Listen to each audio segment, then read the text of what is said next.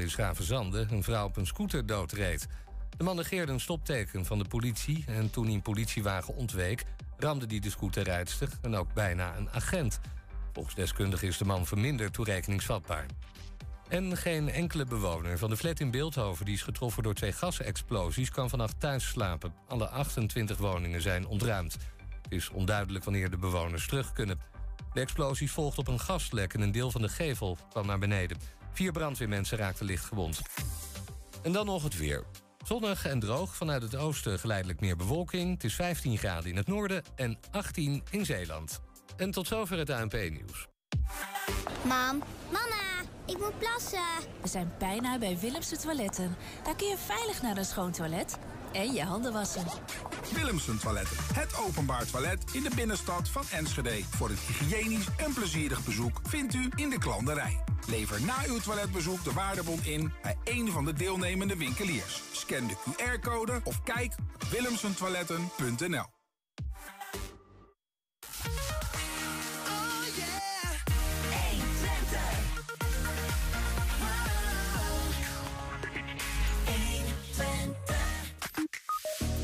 Glanenbrugger Danny de Jong zag in Glanenbrug hoe soms jongeren zich vervelen en stennis gingen schoppen. En dat terwijl de ouderen aan het vereenzamen zijn. Daarom heeft hij projecten opgezet om nu beide problemen met elkaar te bestrijden.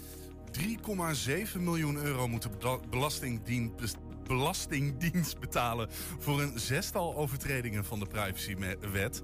Maar wat waren de overtredingen van de Belastingdienst? Damstee-advocaat Niek Huibers praat ons bij. Bij FC Twente Sparta staat morgenavond voor beide ploegen heel wat op het spel. We beschouwen voor. En een gloepensnieuwe en oranje getinte editie van het Twents kwartierken. Het is donderdag 21 april. Dit is 120 vandaag. 120. 120 vandaag. De 18-jarige Romee Dalen uit Losser doet een gooi naar de eretitel Miss Universe. Maar niet in Nederland, in Noorwegen. Inmiddels woont ze namelijk al zeven jaar in Björkelangen, als ik het goed zeg. Dat ga ik zo horen. Zo'n 60 kilometer ten oosten van Oslo is dat. Na een scoutingsproces en een ronde waar 100 meiden aan meededen... is ze beland bij de laatste 10. Spannend dus. Romee, goedemiddag. Hoi. Zeg ik dat goed? Björkelangen? Ja, ja Björklaan, klopt. Oh, ja, dat klinkt, bijna op zijn twens als jij het zegt. um, hey, wanneer hoorde je het uh, nieuws dat je in de finale zit?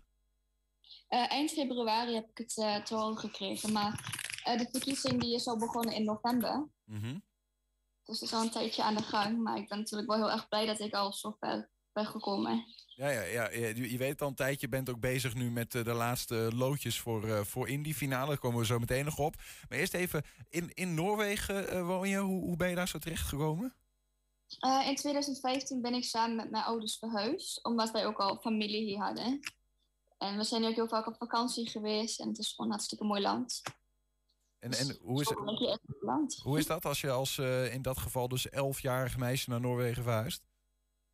Is wel heel erg spannend, maar ja, wel echt wel heel leuk eigenlijk. Iets anders, zeg maar. Ben je al helemaal um, geaard? Ben je al Noor geworden? Ja, ik uh, ben Noors en Nederlands. Dus ik heb allebei de paspoorten. Oh, je hebt zelfs de... Ja, dat moet dan ook wel natuurlijk als je daar een tijd woont. Ja, ja. We hebben ook een foto van je voor je huis. Ja, misschien kunnen we dat even... Dan hebben we een beetje een idee waar je, waar je vandaan komt. Um, ja. Maar even over jouw familie trouwens, hè? want we, we, we noemen jou uh, Romee Dalen. Uh, maar ik heb begrepen dat het niet je echte naam is, omdat jullie die hebben laten veranderen. En dat was nodig. Ja, dat klopt. Want mijn uh, achternaam in Nederland is namelijk Dassen. Ja. We hebben het hier moeten veranderen, omdat het hier ja, mijn wc-pot. Dus het is een beetje... Jouw, ja. jouw achternaam ja. Dassen betekent in het Noors wc-pot. Ja, ja. Het is niet, een vrij ongelukkige samenloop van omstandigheden, inderdaad. Ja. ja. Hey, ik hoor een kleine soort van storing in het geluid. Ik weet niet of er iemand uh, met de camera bezig is of met de microfoon. Maar dan, uh, dat is volgens mij gaat er iets niet helemaal uh, goed. Het, het stottert een beetje soms. Um, hey, maar je bent verder wel volledig Nederlands. Ja, 100 procent. Ja, ja, ja. Hoeveel Twentenaar zit er nog in je? Wel veel nog, denk ik. Want als ik terug ben in Nederland, dan ja, voel ik me ook al weer thuis. Wat, wat kom, je, kom je ook nog vaak terug in Nederland dan? Of ben je eigenlijk eh, hier alleen eens in de paar jaar om op vakantie te gaan naar Lossen bijvoorbeeld? Ik ben best wel vaak in Nederland, ook bij opa en oma. En bij de rest van mijn familie langs gaan. Dat vind ik wel erg belangrijk. K- Kan het zijn dat er iets tegen je microfoon aantikt of iets dergelijks, Romee? Want, eh, Zo klinkt het een beetje. Hoor je me nou beter?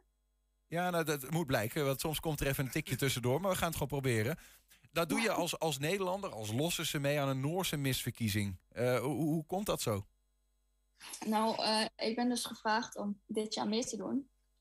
Want er is ook een meisje uit de buurt die heeft dus vorig jaar al een keer meegedaan. En toen, vorig jaar wil ik me eigenlijk ook wel aanmelden. Maar toen heb ik me ook aangemeld, maar dat is meteen weer geannuleerd. Want ik dacht van, ja, nou heb ik er eigenlijk helemaal geen tijd voor. Dus toen ben ik dit jaar, ben ik door hun dus gevraagd of ik dit jaar misschien mee wil doen. Ah ja, ja, ja. en dat is, dat, is dat eh, wat we zouden zeggen scouten. Dat Ja. jij gevraagd bent om, eh, om mee te doen. Klopt.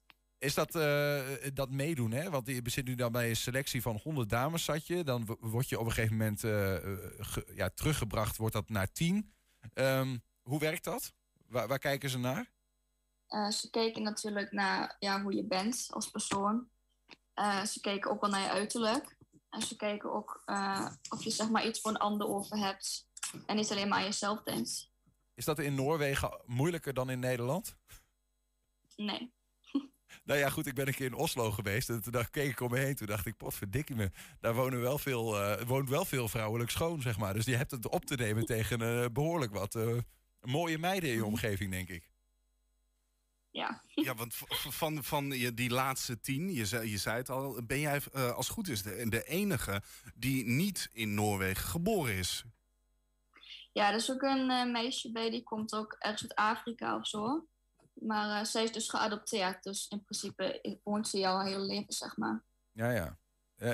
Maar wordt er nog naar gekeken van, ja, is het in jouw voor- of nadeel dat je een Nederlander bent? Nou, ik denk dat ja, het maakt hun zeg maar niet zoveel uit. Want ik heb natuurlijk mijn Noorse paspoort. En ik heb natuurlijk aangepast in de Noorse cultuur. Maar voor mij is het eigenlijk wel een voordeel, vind ik zelf. Waarom? Want dan kan ik, ja, ik leer ook veel meer dan hun, zeg maar.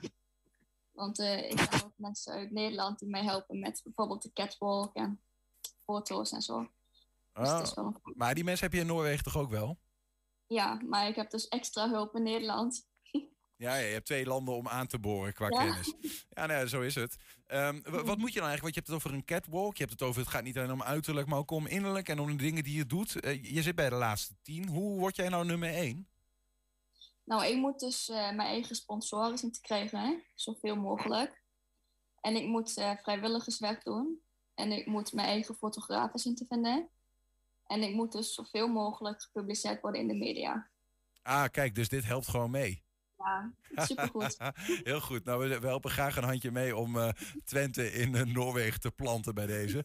Ehm, maar goed, je, vrijwilligerswerk doen ook, ja. Maar betekent dat dat ze eens kijken naar van, nou ja, wat voor een vrijwilligers deed jij al? Of is het zo dat je meedoet en dan maar snel even een paar vrijwilligersjobs eh, haalt om eh, te winnen? Nou, het is zeg maar, ik deed al een beetje vrijwilligerswerk van tevoren, zeg maar. Maar nu eh, moet ik dus nog meer doen.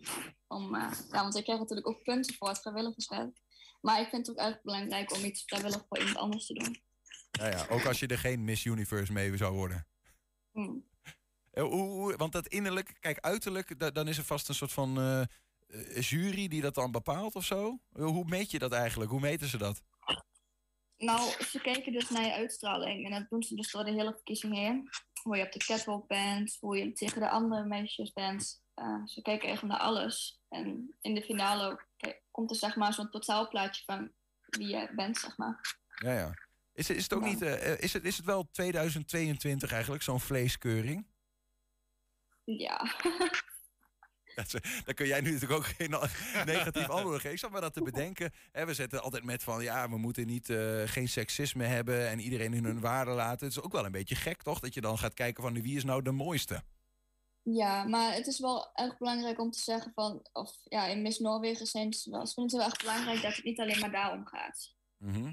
Daarom kan ook iedereen meedoen, ook al ben je wat dikker of iets Ja. te lang of iets te kort of Ja, maar komen die dan ook bij die laatste tien? niet allemaal. Nee. Maar ja, het ligt er ook aan wat voor activiteiten je zelf doet. En ja, hoe je jezelf opstelt en of je laat zien dat je wel echt geïnteresseerd bent. Ja. Ja, wat, wat doe jij om, uh, om te zorgen dat je boven komt drijven? Want is het uiteindelijk een jury die bepaalt wie de nummer 1 wordt? Of moeten mensen stemmen? Hoe werkt dat eigenlijk? Nou, uh, straks als zeg maar, de finale zelf echt begint, dan kunnen mensen gaan stemmen. Alleen, ja, Nederlanders kunnen helaas niet stemmen, maar dan willen wij nog iets, een oplossing voor zien te vinden. Want er zijn best wel veel mensen die op mij willen stemmen uit Nederland. Uh, dus dat is wel belangrijk. En uh, ik krijg ook heel veel punten door de hele verkiezing heen. Dus voor elk vrijwilligerswerk, elke sponsor, voor alles wat ik doe, krijg ik dus punten.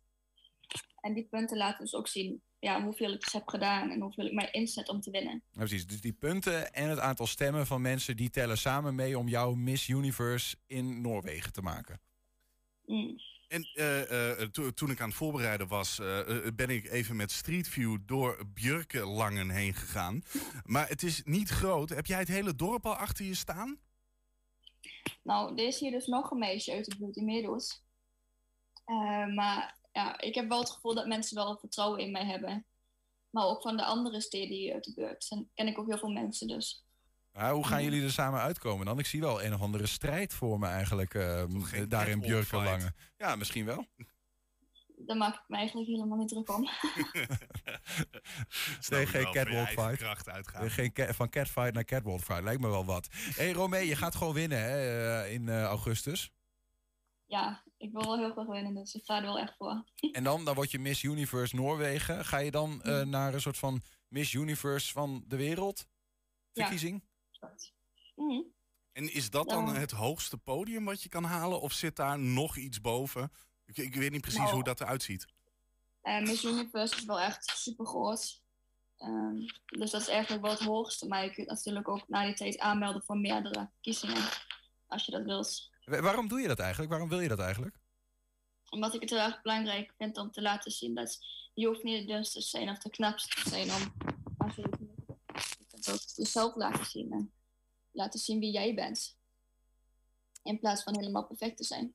Stel dat je wint uh, en je wordt Miss Universe. We gaan gewoon even voor het allerhoogste podium. Miss Universe van de wereld. Waar zien we jou dan over vijf jaar? In Noorwegen nog? Of weer in Losser? Ik hoef niet op te antwoorden. Wat zeg je? Je durft niet op te antwoorden. Nee? Je durft geen voorspelling te doen? Amerika. Die weet ik niet. Wat wil je? Wil je naar Amerika? Ja, het lijkt me super nou, dan bij deze, dan staat dat bij deze in de sterren geschreven. We gaan het meemaken, Romee Dalen. Dankjewel. Succes met de verkiezingen. En als we nog een stem kunnen, een stem kunnen geven van Nederland, jullie fixen dat op een of andere manier, laat het dan even weten. Is goed. Heel erg bedankt. Jo. Zometeen Danny de Jong ziet in Glanenbrug hoe soms jongeren zich vervelen en stennis gaan schoppen. Tegelijkertijd zag hij hoe ouderen in het dorp aan het vereenzamen zijn. Daarom heeft hij samen met de gemeente en supportersvereniging Glanenbrug projecten opgezet om beide problemen met elkaar te bestrijden. 120. 120 vandaag. Morgenavond treft FC Twente Sparta in de eigen goalsvesten. Een confrontatie waarin voor beide ploegen veel op het spel staat. Waar de Rotterdammers strijden voor lijfsbehoud... is FC Twente nog steeds in de race voor een rechtstreekse Europese ticket. De goede resultaten in Enschede lijken ook landelijk de aandacht te hebben getrokken. Ron Jans, uh, meestal staat hier dan de lokale media, regionale media... vandaag ook uh, landelijke aandacht. In hoeverre merk jij nou dat de aandacht op jullie vergroot... nu de ontknoping nadert en jullie in de race zijn voor Europese ticket? Nou, valt er wel mee. Uh, nu was het Nossen. Uh, ik zat uh, van de week toevallig eigenlijk bij, bij Rondo. Want dat had ik al een paar keer uh, afgezegd. Vanwege de afstand en de maandagavond. Nee, ik, ik vind het eigenlijk nog betrekkelijk rustig. En, en, en ik, ik, ik zie ook, hè, dat speelt tegen een PSV. En dan, dan lees je daar de nabeschouwingen en de stukken in de pers. En, en, en ja, dan valt het elke keer weer op. Maar dat weet ik al al 50 jaar. Dat het altijd gaat over, uh, over PSV en eigenlijk heel weinig over Twente. En in die wedstrijd hadden we wel, uh, ja, hadden we wel wat aandacht verdiend, vond ik. Dan gaat het meestal als, als een top ploeg punten laat liggen... is het ja, meestal wat zij slecht hebben gedaan... en niet wat de tegenstander goed zo, heeft gedaan. Zo hoort het eigenlijk ook uh, te zijn. En we hebben ook uh, genoeg credits uh, gekregen hoor, in die wedstrijd. Nou, dat is nog steeds zo'n wedstrijd dat je denkt van... Oh, we hadden ze niet moeten laten ontsnappen. Ja. Even een beetje uh, ertussenuit, zeg maar. Er was geen eredivisie natuurlijk vorig weekend. Um, kwam dat op een goed moment of juist niet? Want dan zit je misschien lekker een beetje in de flow. ja, de, je, je, weet dat de bekerfinale, dat, dat als je er niet in staat... dat er ergens een vrij weekend is. Um, dus dat moet je dan ook gewoon maar gewoon doen wat je moet doen... of wat je denkt dat je moet doen. Maar ja, wij zaten zo in de flow. Dat, uh, ik, ik vond vorige, vorige week ook allemaal een beetje vrijblijvend. Maar deze week en uh, vandaag ook. Ik ben hartstikke tevreden, gisteren ook over de training. Uh, want ja, je moet wel scherp zijn. En je moet niet denken dat het vanzelf komt. Dus ik had liever doorgevoetbald. Ja, het wel liever doorgevoetbald. Ja. ja. Wel een oefenwedstrijd gespeeld vorige week. Um, ja. Niet iedereen was daarbij. Hoe is het qua hoe staat iedereen erop? Nou, wel goed. Want we hebben, en dat is eigenlijk wel goed uh, getimed... maar uh, Robin Prupper, Rick van Wolfswinkel en ook Vassaf Tjerni... hebben allemaal uh, griep gehad. Jeffrey de Lange ook nog. En ja, die waren een paar dagen niet bij. Maar die zijn allemaal weer hersteld. Dus de groep morgen is redelijk compleet. Met uitzondering van Wout Brama, Kik Piri, Luca Everink... Daan Rots en Ennio van der Gouw. Dat is nog best een lijstje. Brama en Piri waren juist de vorige speelronde weer terug. Ja. Wat, even die twee eerst, wat is er met hen aan de hand? Uh, Kik die heeft, had wat, wat ongemak op de training. En gelukkig uh, blijkt, want we hebben, als je toch lang eruit bent geweest... dan maakt een speler zich snel uh, zorgen. Maar dat komt weer goed en die sluit denk ik volgende week uh, weer aan. Um, Wout Bram heeft toch wat, uh, wat kuitklachten uh, gekregen. En zo jammer, want het ging, uh, het ging hartstikke goed. Ja. En Luca Evering heeft een ontstoken teen. En dat is, ja, dat is hartstikke lastig. Ja. Ja, Daan Ros hebben we allemaal kunnen zien. Ja, die zat, enkelbanden flink, ja. en, en zit wat met wat, uh, wat knieproblemen. Dus, uh, maar ja, dat, dat, een aantal daarvan zijn er al een paar weken nu, nu uit. Dus uh, ja, dat, dat hoort er ook bij. Ja. Helaas. Dat, dat, weet je dan ook. En bij Rots, ja, dat zagen we natuurlijk allemaal gebeuren in de wedstrijd. Die zat er goed doorheen toen. Ja, maar gisteren uh, wandelde hier al binnen. Zijn enkel ziet er goed uit. De revalidatie gaat hartstikke goed. En die jongen die wil altijd zo hard werken. Maar die is ook fysiek uh, zo, uh, zo fit. Dus ik weet niet of die nog aan het spelen komt dit seizoen. Dat heeft denk ik ook te maken met zijn er nog play-offs ja of nee. Ehm, maar die, die, die komt wel weer terug. Want die, die heeft dit seizoen... Nou, die had ik denk voor alles getekend wat er dit seizoen is gebeurd. Ook inclusief enkel blessure. Dan een wedstrijd uh, waar voor beide ploegen wat op spel staat. Waar Sparta natuurlijk vecht voor lijstbehoud. Zijn jullie in de race ja. voor de Europese tickets. Wat gaat dat, denk jij, voor de wedstrijd betekenen? Dat jullie allebei wat hebben om voor te spelen? Ja, ik, ik vind dat Sparta wel... Ze spelen soms tactisch wel uh, uh, op andere manieren. Uh, soms wel eens met vijf verdedigers. maar ze spelen heel compact, heel fysiek. bouwen niet onnodig. spelen veel vanuit de tweede bal. we hebben nu in de laatste twee seizoenen al drie keer tegen hun gespeeld. Er zijn hele stugge, lastige wedstrijden geweest. Dit jaar hebben we nipt gewonnen in, in Rotterdam. Vorig jaar hebben we maar één punt tegen ze gehaald. Het is een hele lastige tegenstander om tegen te spelen. Dus uh, ja, als wij doen wat we de laatste tijd, wat we de laatste tijd hele tijd laten zien... Ja, dan hebben we een hele goede kans op, op resultaat. En dat is gewoon met, met vertrouwen. En met name vanuit, ook, vanuit balbezit kansen creëren.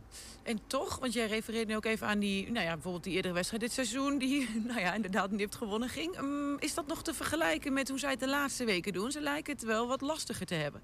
Ja, ze, hebben uh, zo'n stugge ploeg. En dat zie je helemaal terug in het doelsaldo. Weinig goals tegen. Echt voor een, uh, iemand die, voor een club die zo laag staat, heel weinig. Maar ze scoren ook heel weinig. En dat zie je op het veld gewoon terug. Alleen vorige week uh, tegen een concurrent, tegen Fortuna. Ik denk dat het hun, een slechtste wedstrijd van het seizoen was. En uh, gingen ze met 3-0 verdiend af. Ja, dat, dat was een enorme uh, domper. En ja, ze hebben van de week nog bij Vitesse gespeeld. Ja, ja wat dat doet, dat weet ik niet. Ik denk dat ze vooral opgelucht zijn dat die overwinning bleef, bleef staan. Maar die, die komen hier echt heen om met hand en tand een resultaat te boeken. Ja, die zes minuten zul jij niet heel veel uit kunnen halen, denk ik, of wel? Nou ja, ik ging zitten en ja, stond op. En dan was het weer afgelopen. Ja. Had ik nog snel één vraag. Oh ja, nu spelen jullie natuurlijk op de vrijdagavond. Um, bij goed resultaat kan je dan lekker achteroverleunen. Maar ja, ik zei het al, bij goed resultaat. Ja, nou jij zegt het, wat moet ik er nog op zeggen? Uh, we gaan natuurlijk voor een, uh, voor een overwinning. En dan is het kijken wat, uh, wat de anderen doen. Want ja, het zijn nog vijf wedstrijden. Ten opzichte van de vierde plek hebben we het in, uh, in eigen hand. Ten opzichte van alleen maar AZ. Dus dan ligt de druk weer bij hun. Maar we moeten eerst doen wat we zelf dan moeten doen. Dus We zullen het zien morgen. Ja, Ron Jans dus over die eh, wedstrijd van FC Twente morgen. Hier aan tafel eh, onder andere een supportersvereniging van eh, FC Twente uit Glanenbrug. Maar we gaan praten over iets anders. Want Glanenbrugger Danny de Jong die zag in zijn dorp hoe jongeren zich soms wat verveelden... en daardoor wel stennis gingen schoppen. Tegelijkertijd zag hij hoe ouderen vereenzaamden in het dorp. Nou ja, en hij dacht, wat nou als ik die beide problemen bij elkaar breng? Misschien kan ik ze met elkaar bestrijden. Eh, de jongeren wat uit hun eh, verveling trekken, de ouderen wat uit hun vereenzaming trekken. Hij trok daarin samen op met supportersvereniging Glanenbrug. En eh, beide heren zitten bij ons aan tafel. Danny de Jong en Wouter Middelhof van de supportersvereniging Glanenbrug. Welkom. Ja, dankjewel. Eh, Danny, je bent Glanenbrugger. Je zag die, die problemen bij jongeren en bij ouderen. Hoe zag je dat? Ik, ik, ben, ik loop ook veel door het dorp, dus ik zie en ik hoor heel veel, ook van ouders. En, eh, en het speel, in coronatijd was natuurlijk ook eh, aanwezig. Nou, dan merk je toch wel dat daar eh, veel verveling uitkomt. En dan zie je ook veel overlast. Nou ja, en zo kwam ik eigenlijk ja, met Niels van den Berg in gesprek. En ik heb tegen Niels gezegd van, maar luister, er moet echt iets veranderen. We moeten eigenlijk wat hebben in Glaanbrug, omdat dat werkt wel. Iemand uit Glaanbrug, met de jeugd, met de ouders, dat werkt veel makkelijker dan een buitenstaande. Ja, ja. Maar hoe ziet die overlast? Hoe zag die eruit dan? Ja, dat is van uh, drugsoverlast. Ehm, ehm, vechtpartijtjes onderling, dat gebeurt nu nog wel steeds. Eh, dat merk je gewoon wel. Maar gewoon, het gaat, we zitten er nu wat sneller op. Ja. Omdat je veel directer eh, eh, met de jongens in contact bent, maar ook met de ouders in contact eh, komt. Dus Vanuit welke rol zie je dat dan? Want eh, werk jij ook met jongeren samen? Ja, of hoe, ik, eh? werk, eh, ik werk nu voor jeugdzorg. Eh, vanaf 1 mei ga ik, eh, heb ik een nieuwe baan. Ga ik eh ex-gedetineerden begeleiden naar eh, de maatschappij weer. Dus eh, dat wordt een heel nieuwe uitdaging voor mij. En eh, ja, vanuit die rol zag ik natuurlijk ook, omdat ik met jongeren werk en al die jaren heb gewerkt, Ja. en zie je dus ook het, eh, wat er gebeurt. Dus eh, je ziet daar echt wel hè, jongens vervelend, je, eh, overlast, een grote, grote mond. Ik merkte in ehm, appverkeer, groepsappen, buurtapps, we gaan die jongens wel aanpakken. Ik denk, jongens, dit, dit kan niet, dit gaan we niet doen. Dus daar moet, dacht, er moet een andere daar- oplossing daar moet een komen. andere oplossing Maar tegelijkertijd, want je zag ook het probleem bij die ouderen. Of was het een gevoel wat je had? Want, Ja, dat is echt na de tijd gekomen. Dat heb ik met Karin Koers en met Henk Abels. Dat is van Samen in... eh, of ja, Samen in Twente. Eh, Een offensief tegen eenzaamheid in de regio? Ja, ja, ja, daar hebben we contact eh, mee gehad. En toen kwam dat echt ook naar voren dat de jeugd, de eenzaamheid, maar ook de ouderen. En hoe mooi is dat om dat samen te koppelen en om daar met elkaar wat voor te gaan betekenen. En Ja. daar zijn we nu al mee gestart. Ja. Dus daar hebben wij een boodschappenproject voor Nou, daar opgezet. komen we zo op. Op de projecten die er dan nou ja, dat moeten gaan bestrijden. De verveling bij de jongeren, de eenzaamheid bij de ouderen. Maar je trekt ook samen op met supportvereniging Glanenbrug. Wouter, ehm, een supportvereniging van een voetbalclub... die moet toch gewoon eh, voetbal kijken samen? Ja, in principe is dat ook ons eh, eh, punt wat we zeker gaan doen en wat we al doen. Maar ook in de, gezien corona was dat voor ons natuurlijk ook lastig. Want je, we konden niet naar de voetbal, je kon niet naar het stadion toe. Ehm, dan ga je, ehm, als vereniging hebben wij wel gezegd, Twente staat altijd, het is de rode draad in onze vereniging. Dat is ook hetgeen waarvoor we de vereniging zijn gestart. Eh, maar maatschappelijk willen wij zeker wel ons steentje bijdragen. En helemaal in ons dorp. En ehm, eh, dat hebben we gedaan de, eh, helemaal in het begin van de corona met de rozenactie. Dan zijn we naar Liberijn geweest en naar het Bruggenbos. En hebben we, ik weet niet hoeveel rozen afgegeven met een kaartje dat voetbal bijzaak is. En dat mensen toch niet alleen zijn, ook in corona, Maar, ook al voelt dat wel toch, zo. moet je toch proberen in mijn, aan mij uit te leggen. Een, een voetbalsupportersvereniging Ja. die voelt dat ze ook maatschappelijk betrokken moet zijn. Is dat een soort van kerk of zo dan waar je bij zit? Nee, nee. Maar het is meer een gevoel, denk ik. Dat je, eh, er is, eh, kijk, voetbal is voor ons, is voor mij ehm, heel belangrijk in mijn leven, zeg maar. Voetbal Twente is voor mij eh, een hele grote invulling. Nu helemaal met de supportersvereniging die we moeten eh, draaien en moeten houden. 350 leden eh, binnen drie jaar, dus een- ontzettend gegroeid. Je bent vicevoorzitter van de, Ja. van de sport. Samen met Joffrey Vogelsang heb ik de vereniging gestart. En, ehm, eh, en dat, ging eigenlijk, of dat, dat gaat eigenlijk heel hard en heel goed. Ehm, maar we hebben wel gezegd, helemaal toen in het, vanaf het, starten van, het, van de vereniging... van ehm, wij willen in Glanenbrug ook wat gaan doen. Weet je? We moeten eh, onze Norberschap... Hè, Twente zegt altijd Norberschap, nou, dat hebben wij ook. Wij vinden ook Norberschap belangrijk. En dat is omkijken naar je Norber, naar je buurman, naar je buurvrouw... naar de overbuurman, Ja. weet je, opa's en oma's. Nou, en zo proberen we voetbal is voor ons leidend. Maar daarnaast hebben we het Voelt dat tal voor van al die andere dingen. 700 mensen uit jouw clubpie, voelt dat zo? Of, of is dat een deel die dat zo voelt? Nou, ik denk oprecht dat het merendeel van de vereniging... als wij zeggen, ehm, dit gaan we doen, dat ze, dat ze er allemaal achter staan. Daar ben ik voor overtuigd. Omdat ze het allemaal wel mooi vinden. Je hebt eh, water uit de Glanenbeek naast je staan, hè? Yes. Wat ja, is dat hier? Nou, die, wij, wij zijn hier een keer eerder geweest, in de Joffrey geweest. Ja. En toen eh, was het filmpje eh, was online gekomen die we gemaakt hadden. Maar ik had er nog wat staan. Ik denk, ik neem ze in ieder geval mee en ik laat ze achter. Ik heb in ieder geval proeven zoals die geworden is. Kijk. Deze is van de eerste batch, zeg maar. Er is een tweede batch inmiddels geweest. En dat is deze.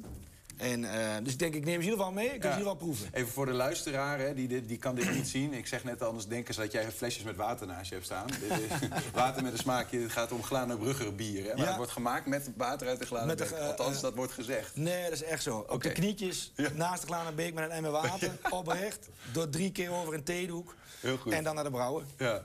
Ehm, Danny, je, je wilde net al in alle enthousiasme al jullie acties eh, gaan, gaan opnoemen. Ja. Eh, noem er eens wat. Wat doe je dan in dat project om jongeren, verveling bij jongeren of eenzaamheid bij ouderen Ja, te om dan aan te sluiten op een stukje bier. eh, het bier wordt verkocht en daar kregen wij een deel van eh, voor het jongerenwerk. En dat doen we dan samen met Alifa Randy Koetsier, die is daar ook bij aanwezig. En dan zie je dus ehm, dat wij dus met de financiële middelen dus ook dingen kunnen organiseren. We hebben de oliebollenactie hebben we gedaan. Eh wij zijn nu bezig met een boodschappenmaatje. Oliebollenactie? Ja, de oliebollenactie was, eh, was wel een succes, vond ik. Ja, Eh, dat betekent best dat je oliebollen verkoopt? we hebben oliebollen verkocht. ehm, en de opbrengst daarvan ehm, hebben wij ja, voor de jeugd eh, gebruikt. En ja. daar staat nu nog wat van bij de supportvereniging. En dat gaan we ook weer gebruiken voor dingen te organiseren. Ik had begrepen dat het gebruikt wordt voor het herinrichten slash openen van het jeugdhonk, de hut. ja. En dat is ook weer gebeurd, En dat is toch? gebeurd. Ja, die is nu open. Eh, we hebben nieuwe banken, eh, een Playstation er, eh, erbij, televisie gekocht. en dat, dat loopt weer. Ja. We zijn begonnen met acht jongens. En dus komen nu soms 30 kinderen tegelijk. Ja. En no- nog meer van dat soort acties? Ja, de Bultsweg zijn we mee bezig. De Ook een jeugdhonk? Dat is eigenlijk een Buurthuis, ja, Ja, En, maar het mooie is, ehm er wordt eigenlijk weinig gedaan. Dus het- hoe mooi is als we daar de bewoners bij betrekken... en dat gaan we dus nu ook doen... eh, om daar iets te, te organiseren voor de jeugd. Dus Mhm. voor jong en voor oud. Maar dan hebben we ook... In Glaanburg heb je meer, eh, meerdere eh, subgroepjes. Ja, en dat komt niet allemaal bij elkaar. Dus je zal eigenlijk een beetje wat moeten organiseren... aan de ene kant daar, aan de andere kant dat. En daar zijn we nu mee bezig. En, hoe doe je dat? Dat die verschillende subgroepjes bij elkaar komen of dat elk subgroepje iets heeft? Ja, ehm, kijk, het mooiste is, wij willen eigenlijk Klaarbrug weer naar elkaar toe brengen. Maar je hebt dus zeg maar, eh, de hut is wel een heel ander groepje. En dan heb je bij de Bultweg ook weer een heel ander groep jongeren. Ja, dat gaat niet met elkaar. Maar dat moet dan, dan moet je dus kijken van wat kun je faciliteren zeg maar, bij de Bultweg. En daar zijn we nu Mhm. echt mee bezig. Ja, En daar voor die jeugd ook wat te faciliteren. Maar dat gaat niet met elkaar als in, is er ook wel eens wrijving? Of is dat niet Nee, is het gewoon nou, voor het, is, het, verschillende is een heel, eilandjes? het is- ja, het is een heel andere doelgroep. Een heel andere doelgroep. Ja. Wa- Wat, wat is het effect eigenlijk als je... Want je laat jongeren eigenlijk zelf actie voeren. Eh, oliebollen bakken of loodjes verkopen... Of, eh, om geld te verzamelen om hun eigen jeugdhonk vorm te geven. Wat is het effect ervan dat je dat doet? Je zegt het eigenlijk al, eh, een eigen jeugdhonk. Eh, kijk, als, het, eh, als wij subsidies gaan ophalen en het wordt allemaal maar betaald... dan is het niet een eigen. Eh, en hoe mooi is het dat ze er ook iets voor doen en hun eigen, hun, hun eigen maak, zeg maar. Dus wij zijn echt druk om eh, dat ze zelf de verantwoording krijgen. eh, er echt iets voor doen. eh, merken dat ze eh, het samen doen met elkaar. Ja, dan krijg je ook binding. En dan, eh, dat is gewoon belangrijk. Helemaal. En, eh, ja, met jeugd is dat sowieso belangrijk. En welke rol speelt de supportersvereniging bij dit soort acties? Nou, ik, ik ben heel veel met Danny eh, aan het bellen om te kijken van, nou, weet je, wat, wat, wat kunnen we samen nog doen? En hoe kunnen we dat invullen op zo'n eh, mooi mogelijke manier om iedereen eh, te binden en het gevoel, zeg maar, wat Danny net al aangeeft, vinden wij het echt heel erg Maar belangrijk. ga je dan mee oliebollen bakken, moet ik dat zo zien? Zeker. Of mee loodjes verkopen om geld voor het De jeugdhonk te oliebollen genereren? eh, ben ik zelf gaan rijden. Dus hebben we zelf eh, met jongens in de auto gegooid en gezegd van nou kom maar op, we gaan rijden, we gaan ze rondbrengen. Ja. Die jongens moeten ze zelf afgeven. Ehm, en dan hebben ze ook echt het gevoel dat ze iets bijdragen, dat ze daarvoor beloond worden. En dat is voornamelijk zeg maar, wat er heel vaak ontbreekt. Dus dat kinderen, het komt binnen, de, de, dus ze krijgen wat. Oké, nou dankjewel. Ja. En nu moeten ze er iets voor doen, ze worden daarvoor beloond. En dan is het effect denk ik veel, ehm, veel effectiever. Je hebt, contact, je hebt directe contact met de bewoners, dus dat, dat bereik je al. Het is niet meer van hé, dat, dat lastige plukje jeugd, zeg maar. Maar je merkt dan ook van, hé, dit is weer contact. Oh, Ja. Kijk eens wat ze doen. We hebben ze 175 euro eh, gedoneerd, ja, gedoneerd, maar geschonken aan, het, eh, aan Libereen. Eh, alle oudjes hebben een oliebol gekregen van de jeugd. Wel, Kijk, dat, zijn is positieve dat ook dan hoe je de vereenzaming wil tegengaan? Want ik begrijp, je wil eigenlijk beide nou, problemen met elkaar bestrijden misschien wel. In ieder geval oplossingen vinden die voor allebei goed zijn. Ja. Hoe, hoe, hoe pak je die eenzaamheid bij die ouderen dan aan? Ja, wij zijn met een project bezig. ehm, vanuit eh, Twente. Uh, Scoren in de Week, Dennis Weggers, die doet dat. Eh daar werken we ook heel veel samen mee. Ehm, daar gaan wij ehm, een project eh, ik weet niet of het mag noemen of reclame is, maar... eh, Noem het maar gewoon. Hornbach, eh, die, eh, die, die zit daarbij. En dan gaan we voor mensen die zeg maar, eh, op dit moment moeilijk hebben om de, de gasrekening te betalen. Om tochtstrips, eh, ledlamps, weet ik, dat soort dingen. Nou, en daar kom je ook bij de mensen thuis. Eh, dat, dat helpt dus ook wel. En die jongeren gaan het dan installeren? Of hoe dat, eh? Nee, dat gaan we dan zelf doen. En Ja, dan hebben we ja. contact met, eh, met de eenzame ouden. En vanuit daar willen we gewoon kijken van... nou, misschien willen ze wel ergens bij betrokken worden met de jeugd. Of eh, kunnen we zoiets bieden. Dus Ja. dat vind ik wel belangrijk. Nou, kun je andere voorbeelden noemen van, van projecten waarin jongeren en ouderen echt bij elkaar Ja, worden? het, boodschappenmaatje. Ja. Dat, is de, dat wordt nu ook opgestart. Eh, dan gaan dus jongeren eh, gaan samen met de ouderen van de basisschool eh, in Glaanbrug... Gaan die, De jongeren van de basisschool? Ja. Ja, ja, precies. Ja, ja, jongeren van, ja, maar de, de groep 7 en 8. Die gaan dan ja, een boodschappenmaatje doen. Dus de halen boodschappen samen met de ouderen. En het gaat niet om het boodschappen, maar het gaat om het stukje... de verbinding met elkaar, de gesprekvoering, wat, wat daar op gang komt. Nou, dat is gewoon heel belangrijk. En dat is, ik denk dat dat alleen maar positief is. Ja, ja. Hebben ze daar altijd zin in, die jongeren? Ja, daar zal een stukje motivatie bij komen. Maar goed, daar zijn we weer voor.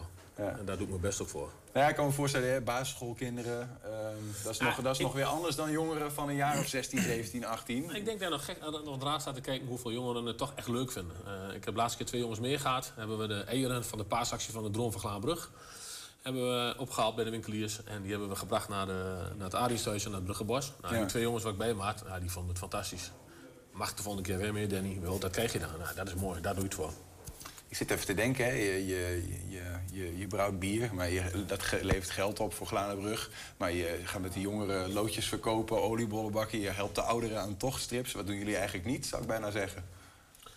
Ja, ja we doen ons best. Ja, wij, wij- ja, het is gewoon heel veel. Een vereniging, weet je, eh, als ik praat voor mezelf dan. Het is, eh, het is veel, want het zijn oprecht lange dagen, weet je. Want ik werk ook gewoon. Dan ben ik om half zeven thuis. En dan denk ik, oh ja, dit moet ik ook nog even doen. En dan moeten we dit nog hebben. We gaan nog naar een uitwedstrijd, dus we moeten bus hebben. Er moet drank gekocht worden. Eh, iedereen eh, moet voorzien zijn van een kaartje. En... Oudjes mee de bus in? Nog niet. maar goed, dat, nee, maar dat zijn wel, dat- jij noemt dat nu zo oudjes de bus in. Nou, dat is wel, ehm, zeg maar, als je praat over eenzame ouderen... eh, kan dat iets zijn, zeg maar, dat je zegt... oké, we gaan met de oudjes, die halen we op, die doen we in de bus... we rijden naar het stadion in en ze krijgen een rondleiding. Ja, ja. Weet je, op die manier zijn ze er even uit. Je, doet, je sluit af met een kop koffie. Die mensen hebben een fantastische dag gehad. Ik, word daar, eh, ik krijg daar een goed gevoel bij. Als ik voor mezelf praat, en ik denk, maar ook voor, eh, voor, voor Danny in dit geval... dan levert je zelf ook energie op, weet je. Als je iets geeft, hoef je er niet altijd wat voor terug te krijgen. Ja. Maar als je merkt dat het wat oplevert... dan geeft het alleen maar een boost zeg maar, om nog meer te kunnen doen. Het, het levert je qua gevoel wat op, maar toch om een beetje te kijken van... is dit ook meetbaar? Hoeveel resultaat heeft het nou al tot nu toe, al deze acties? Ja, die jeugdhonk is weer open, maar zie je ook dat de verveling bijvoorbeeld afneemt? Dat de, de incidenten afnemen? Ja, ja dat eh, merk je wel. Ik heb daar eh, contact over met eh Harriet, die coördineert ook de jeugd, zeg maar. En Job Kantelenberg, die doet het welzijn, zeg maar. En daar heb ik wel heel veel contact mee. En dan merk je toch wel dat daar wel een verschil in is. Dus eh, we maken daar een positieve stap, denk ik. School was heel veel overlast. Dat is al een stuk minder. En natuurlijk wordt er nog wel... eh, eh, er gebeurt er nog wel wat in het dorp. Coronatijd is natuurlijk ook over, dat scheelt Is ook nu- wel iets Ja, misschien. dus die jongens zijn Ja. wat drukker. Ja, je blijft gewoon druk. En ik denk ook niet dat je het altijd helemaal kunt laten verdwijnen. Maar ik denk dat, je, eh, dat het gewoon belangrijk is dat iemand is die, die zo hoort. Wel, die jongens worden weer gehoord, ze ergens weer bij. Ze worden weer bij het dorp, ze worden weer betrokken bij iets. Ze Is het ook dat belangrijker dat jij dat doet, trouwens? Want je bent Glanenbrugger. Is dat belangrijk voor de Glanenbrugse jongeren? Ik weet niet of het belangrijk is, maar ik denk wel dat ik een andere ingang heb bij die jongens. Ik denk dat dat eh, wel belangrijk is. Ik ben gewoon klaarbrug, ik ben gewoon rechtdoseer bij meest. eh, ik ben gewoon eerlijk, zwart-wit. Het is, ja, dat is niet, eh, ik ben niet zo heel moeilijk. Ja. Ik zweef niet te veel en dat is voor die jongens wel heel duidelijk. En dat, nou, dat vinden ze wel fijn. Wat is je droom eigenlijk met het hele gebeuren? Nou, dat we gewoon bij één Glaanbrug zoals vroeger worden. Maar vroeger hadden we echt best wel leuke, leuke dingen. Ik gewoon Glaanbrug echt als een heel mooi positief dorp. Ja, en dat wil ik ook graag zo houden. Dat is mijn droom. Dat dat ja, maar belangrijk goed, als je praat over een droom... we hebben nu met een aantal ehm, winkeliers, eh, eh, scholen... ehm, hebben we een, eh, en ook de SV en ook wat andere instanties. De supportersvereniging. De supportersvereniging. Hebben we een, ehm, een clubje bij elkaar gebracht om te kijken van... Hè, de droom van Glanenbrug noemen we het. Om te kijken van nou, wat kunnen we nou... wat is nou voor kinderen een droom in Glanenbrug? Hoe zien zij nou de toekomst? Dat is de toekomst. Hoe zien zij nou dingen? Eh, hoe zien ouderen dingen? Moeten de, eh, willen mensen de huizen gebouwd worden? Willen ze dat eh, de, de, de veiligheid hoger in het vaandel komt te staan? Nou, daar zijn we nu heel druk mee. Om te kijken van wat kunnen we daarin doen? Het zwembad, nou dat is een... dat is een dingetje in Glanenbrug, weet je. En ehm, heel veel mensen die willen echt heel graag dat zwembad terug. Dat is, daar is de dorpsraad van Glanenbrug heel erg druk mee om te kijken van nou, wat zijn daar nu de middelen in en wat kost het, wat is het kostenplaatje uiteindelijk. Dus de, de, de dromen zijn de, voor ons zeg maar is om het Glanenbrug weer Glanenbrug te maken. Als je praat over normenschap, dat stukje, dat moet terug. Het zijn dromen voor verschillende uh, leeftijdsgroepen en plekken van verschillende plekken in Glanenbrug. Maar je wil eigenlijk uiteindelijk samen optrekken om Glanenbrug weer één te maken. Uiteindelijk dat. Danny de Jong en uh, Wouter Middelhof, dank jullie wel voor jullie komst. En succes met het verwezenlijken van uh, die dromen in Glanenbrug. We gaan ons best doen. Zometeen een oranje gekleurde editie van het Twents kwartierken. En we zijn ook als podcast te luisteren via alle bekende platforms. Je vindt daar de hele uitzendingen en elke dag één item uitgelicht. 120. 120 vandaag. Nou, een recordboete is het. De 3,7 miljoen euro die de Belastingdienst moet betalen... voor een zestal overtredingen van de privacywet, beter bekend als de AVG. Die overtredingen hebben te maken met het illegaal verwerken van persoonsgegevens... op een soort zwarte lijst waarop signalen van fraude werden bijgehouden. Ja, die zwarte lijst die vormde een basis van de nu bekende toeslagenaffaire. Duizenden levens werden ontwricht omdat er fouten in de lijst zaten... of omdat mensen überhaupt onterecht op die lijst stonden. Wat waren de overtredingen van de Belastingdienst eigenlijk? En hoe zit dat überhaupt met de naleving van die relatief nieuwe privacywet AVG in Nederland? Dat gaan we vragen aan Damstee. Dit is mijn uitspraak en daar moet u het mee doen. Rechtspraak met Damstee Advocaten. Niek Huibers is bij ons. Goedemiddag, Niek. Hoi, goedemiddag. Uh, de autoriteit persoonsgegevens, hè, dat is het orgaan in Nederland die eigenlijk waakt over privacy. Zij legde die Belastingdienst ook die uh, enorme boete op. Althans, hoe enorm die is, komen we nog op. Uh, waarom deed ze dat eigenlijk? Mag een zwarte lijst bijhouden niet? Of was het meer de manier waarop ze dat deden? Nou, het is een beetje tweedelig. In op zich, het bestrijden van fraude, dat mag natuurlijk. Maar de manier waarop ze dat deden, met al die gevoelige persoonsgegevens, dat mag niet. En daar is ook onder andere de boete voor opgelegd. Oké, ja, ja, ja. Dus op zichzelf een, een, een zwarte lijst hebben of een bepaalde mate van mensen in het oog houden bij de Belastingdienst, dat is niet waar het om gaat. Het gaat vooral om de manier waarop ze dat vastlegden en de gegevens die ze bewaarden en dat soort dingen. Ja, precies. De, de autoriteit persoonsgegevens heeft gezegd dat er geen wettelijke grondslag was om op deze manier de, deze gegevens te bewaren en te verwerken of te gebruiken. Ja, ja. komen we zo, zo meteen nog wat specifieker over te praten. Hè? Van wat ging er nou eigenlijk mis? Of nou, meer welke fout heeft de Belastingdienst gemaakt? Want daar kunnen we met z'n allen misschien wel lering uit trekken. Geldt ook voor andere ondernemingen bijvoorbeeld. Dat, dat daar bepaalde wetten zijn. Um, maar toch even, ik weet niet of die vraag te beantwoorden is hoor. Maar stel nou dat de AVG-wet, de privacywet, goed was nageleefd door de Belastingdienst. Had de toeslagenaffaire dan kunnen voorkomen worden of minder groot geweest? Dat is wel lastig te zeggen of die dat. Het was wel anders geweest, uh, durf ik wel te zeggen. Maar goed, ja, bij de toeslagenaffaire spelen natuurlijk heel veel dingen waar het, waar het misgegaan is. Uh, waar de AVG een onderdeel van was, maar zeker niet het enige punt waardoor het misgegaan is. Nee, nee, maar goed, ik kan me voorstellen als jij bepaalde dingen als Belastingdienst um, opschrijft die je eigenlijk helemaal niet mag opschrijven. Uh, zeg bijvoorbeeld in de toeslagenaffaire een heel um, cruciaal ding dat de nationaliteit van mensen werd opgeschreven. Ja, dat mag volgens de privacywet niet. Tenminste, nee, dat, dat begreep ik. Nee, dat klopt. En uh, de AP heeft vorig jaar ook een boete opgelegd aan de Belastingdienst... die specifiek toezag op de toeslagenaffaire. Dus het is wel iets dat die gegevenswerking is wel echt iets speelt binnen de Belastingdienst... wat niet op de juiste manier gegaan is. Ja, een notoire veelpleger wat dat betreft, de Belastingdienst. Maar goed, die, die, die boete, hè, want die, dat is 3,7 miljoen. Um, als, we, als we zouden kunnen stellen dat de, een deel van de toeslagenaffaire ermee voorkomen had kunnen worden... als ze gewoon hadden nageleefd. Geen uh, nationaliteiten vastleggen bijvoorbeeld. Ja, dan is 3,7 euro, miljoen euro, is bijzonder weinig, vind ik eigenlijk... als je kijkt wat het bewerkstelligd heeft. Ja, het bedrag is natuurlijk lastiger. De, de, AP heeft een eigen boetebeleid, hoe zij hun boetebedragen vaststellen. En als je ziet van alle schade die aangericht is door nou, de toeslagenaffaire... maar ook de andere, uh, andere problematiek binnen de Belastingdienst... dan is 3,7 miljoen misschien niet zoveel... Maar het is wel de hoogste boete die ooit opgelegd is in Nederland. En daarmee heeft het AP ook wel ja, kenbaar willen maken de ernst van de situatie. Ja, de hoogste boete uh, voor uh, privacy schending. Ja, in Nederland. En uh, de Belastingdienst was daarvoor ook al ja, de, de recordhouder van de hoogste oh, ja. boete. Echt? En die, was, die, was, die is vorig jaar opgelegd met betrekking tot de toeslagenaffaire. Oké, okay, ja, precies. Ja. Nou ja, dit gaat natuurlijk ook weer deels over die toeslagenaffaire. Dus uh, ze innen flink uh, boetes. Maar trouwens, de Belastingdienst, als die een boete krijgen, wie betaalt dat dan eigenlijk? Want dat, ja, dat krijgen wij weer terug in onze belastingcenten te zien waarschijnlijk. We betalen het met z'n allen. Ja, en dat is een beetje een dubbel in deze situatie. Want de Belastingdienst is natuurlijk een overheidsorgaan. Nou, de boete wordt ook opgelegd door een eh, overheidsorgaan. Dus het geld blijft eigenlijk binnen de overheid. Dus dan kun je daarbij de vraag stellen van... Ja, in hoeverre ehm, legt zo'n boete genoeg druk op om het probleem op te lossen? En dat is natuurlijk een wezenlijk verschil als je een boete oplegt aan een onderneming. En die voelen het direct in hun portemonnee.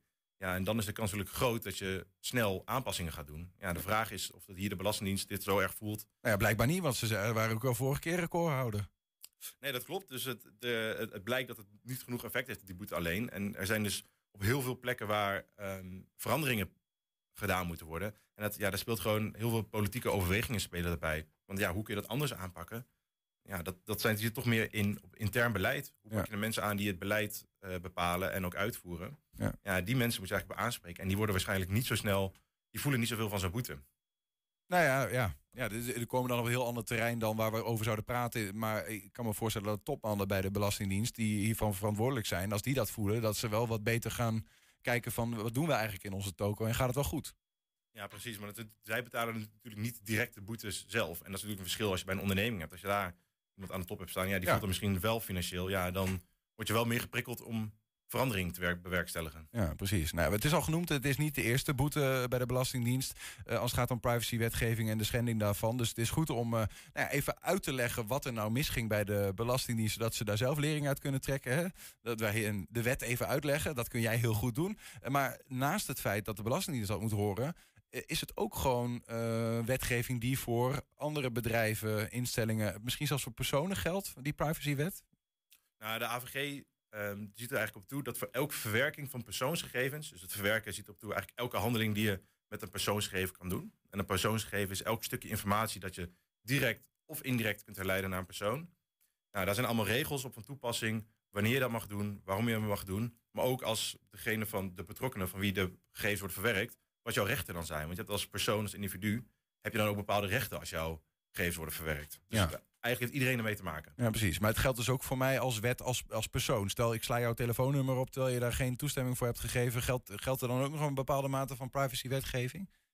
Nou, het ziet het, de AVG in deze zin ziet er toch meer, is meer gericht op eh, ondernemingen en eh, de overheid. Op individuen is het toch wat lastiger. Zelfs dan mag het ook niet, maar het is net wat een ander terrein ook. Ja, precies. Nou, let in ieder geval even goed op. Dan weet je wat er in ieder geval misging bij de Belastingdienst. Dat het bij jou in ieder geval, als je een bedrijf hebt of een eh, instelling of whatever, dat het niet misgaat. Er zijn zes dingen, geloof ik, hè, Niek, die misgingen. Ja, de, dat klopt. Ja, de AP heeft eh, vastgesteld dat op zes plekken ja, de Belastingdienst fouten heeft gemaakt. En dat, zijn toch wel, ja, dat raakt echt wel de kernprincipes van de, van de AVG. Want eh, bovenal waar ze het over hebben is dat er geen grondslag was. Of een wettelijke basis waarom de Belastingdienst de gegevens mocht verwerken. En dat is nodig. Wil je persoonsgegevens verwerken, dan heb je een wettelijke basis nodig. Een goede reden. Een goede dat reden, ja. En in de wet worden dan een aantal gronden opgenoemd wat, wat dat zou kunnen zijn. Dus dat kan op basis van een wet zijn dat je gegevens mag verwerken, maar je hebt, dat je iemands toestemming hebt gekregen op basis van een overeenkomst die je gesloten hebt. Nou, dat zijn een lijst van redenen waarom je dat zou mogen doen. En Ja. die, die ontbrak. Ja, dus wat, in dit geval zijn de gegevens opgeslagen voor, eh, van mensen die dat helemaal niet wisten, die daar nooit toestemming voor hebben gegeven. Ja, en de Belastingdienst zelf zei dat ze daar toen wel een grondslag voor hadden. Alleen het AP heeft gezegd, nou die grondslag die klopt niet. Ehm, dus je hebt geen grondslag. Wat Dus zei de Belastingdienst dan? Nou, de Belastingdienst zei dat ze een algemeen belang hadden. Ehm, en dus ook op grond van de wet dit mochten doen. Maar dat, eh, dat heeft de autoriteit persoonsgegevens gezegd dat het niet zo was. They didn't buy it. Ja. Eh, nummer twee. Ehm, op het moment dat je persoonsgegevens verwerkt, moet je duidelijk omschrijven van tevoren waarvoor je met welk doel je deze gegevens gaat verwerken en waarom je dat doet. Ehm, en dan moet je eigenlijk zo specifiek mogelijk opschrijven. Ehm, en nou, de Belastingdienst heeft wel een aantal doelen omschreven, alleen die waren niet voldoende of niet duidelijk genoeg volgens de autoriteitspersoonsgegevens. Dus daar is ook een streep doorheen gaan. Dat Fraudebestrijding, toch? Dat, dat zou dan het doel zijn. ja, maar je moet het wel echt specifiek omschrijven waarom je die specifieke gegevens nodig hebt voor die spe- specifieke handeling. Ja, waarom heb je nationaliteit nodig om fraude te bestrijden? Ja. Eh, en dat was er een aantal doelen omschreven, eh, maar die waren allemaal, allemaal streep doorgaan dat het niet, niet correct was. Ehm, nummer drie, de gegevens stonden er veel te lang in, in de, in de database waar dit werd bijgehouden, op die lijst. Ja, klopt. Als je persoonsgegevens verwerkt, dan nou, heb je, wel- mag je de gegevens in sommige gevallen wel even bewaren, maar je mag ze niet oneindig bewaren. En wat het onderzoek van uitwees is dat nou, het liep van 2000, 2013 tot 2018 volgens mij. En er waren, er stonden heel veel oude gegevens in die ook veel langer bewaard werden van daarvoor. Ehm, en dat hebben ze dus duidelijk, niet duidelijk aangegeven hoe lang ze gegevens gingen bewaren en waarom ze dat eh, waarom ze die zo lang zouden bewaren. Is er een soort van range van tijd waarin wij eh, persoonsgegevens mogen bewaren? hangt, er, hangt ervan af van de specifieke handelingen. In sommige gevallen zou je kunnen zeggen dat een jaar maximaal is. Maar nou, bij een overheidsinstantie zou je misschien kunnen zeggen dat iets langer ook wel verantwoordelijk is. Het hangt een beetje af van de handeling. Dus het niet gelijk eh, een tijdsperiode op vast te stellen. Moet wel duidelijk zijn. Ja, maar het moet wel duidelijk zijn. En dat was eh, ook niet gebeurd. Ehm, nou, misschien wel mede daardoor waren sommige gegevens die erin stonden op basis waarvan gehandeld werd en waardoor de mensen bijvoorbeeld fraudeur, als fraudeur werden gezien, die waren, sommige gegevens waren verouderd. Mhm. Ehm, maar er waren ook gegevens die waren ronduit onjuist die erin stonden. Dat is ook een, een reden geweest, of een fout geweest van de Belastingdienst. Ja, klopt. Er stonden in, ehm, ja, in die applicatie stonden een heleboel gegevens ja, die gewoon onjuist waren. Dat er wel een onderzoek was gedaan naar die me- mensen, maar dat gewoon de verkeerde conclusies erin waren gezet. Of stonden verouderde gegevens in. Ja, en als die eh, informatie gewoon niet klopt, maar daar, basis daarvan wordt, wordt, wordt wel gehandeld, ja, dan levert problemen op. Dus daarvan heeft de AP ook gezegd ehm, dit, eh, dat het niet goed gegaan is door de Belastingdienst. Ja, ja. ja. Ik zit ook even specifiek te denken van wat, wat gebeurt er dan? Hè? Een, vo- een voorbeeld van zoiets. Dat, dat iemand bijvoorbeeld eh, in, in het jaar 2000 een keer ergens eh, nou ja, een, ehm, een foute inschatting heeft gemaakt. En die krijgt een vinkje en daardoor belandt hij op een lijst. Terwijl dat al verzaakt is. Moet ik dat dan zo zien? Ja, en ik durf er niet zo specifiek te zeggen uit welke periode het is. Maar het kan best zijn dat er gegevens in staan dat er eerst een signaal was. Dat er misschien wel gevoelig eh, ja, sprake kon zijn van fraude. Maar dat het later veranderd is of dat het onjuist bleek te zijn. Maar dat het niet veranderd is. En dan sta je nog wel in die lijst. Oh ja. Ja. Ehm, En dan wordt op basis daarvan gehandeld terwijl het helemaal niet klopt. Ja. en dat is natuurlijk niet de bedoeling. Dan was er nog iets met de beveiliging van deze database. Van het, zo, het heet trouwens het fraude signaleringsvoorziening, Voorziening. hè, Ja. de FSV, ja. Ja, Ehm, ja klopt. De AVG stelt ook wat, ehm, eh, wat waarborgen ten aanzien van de beveiliging. Dan heb je wat technische maatregelen die genomen kunnen worden, maar ook wie kan er bij de gegevens? Wordt dat bijgehouden?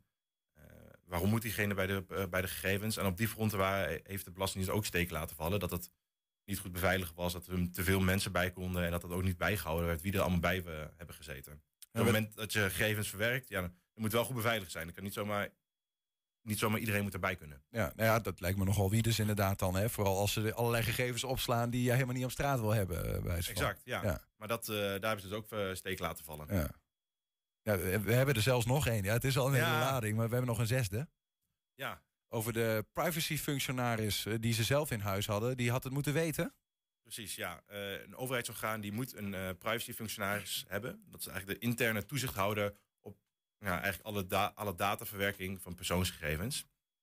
En die was te laat bij betrokken bij dit proces om te kijken of het wel goed ging. Het is eigenlijk een soort van intern handhavingsinstrument. ja, iemand die controleert, loopt dit wel goed? Ehm nou, die was er wel, maar die is niet bij betrokken. En dat had ook gemoeten. Nou, misschien had het dan wel eh, voorkomen kunnen worden. Ja, ja. Nou goed. Al, alle zes fouten die nu zijn opgenoemd door de Belastingdienst hebben samen opgeteld 3,7 miljoen euro eh, gekost. Dat is dan eh, de boete voor, voor het privacywetovertreding. En er speelt natuurlijk nog veel meer aan boetedoening vanuit de overheid. En daar gaat het nu even niet over. Hoewel het ook eh, nou ja, natuurlijk heel relevant is in dit verhaal. Ehm, maar we hebben het over die privacy schending.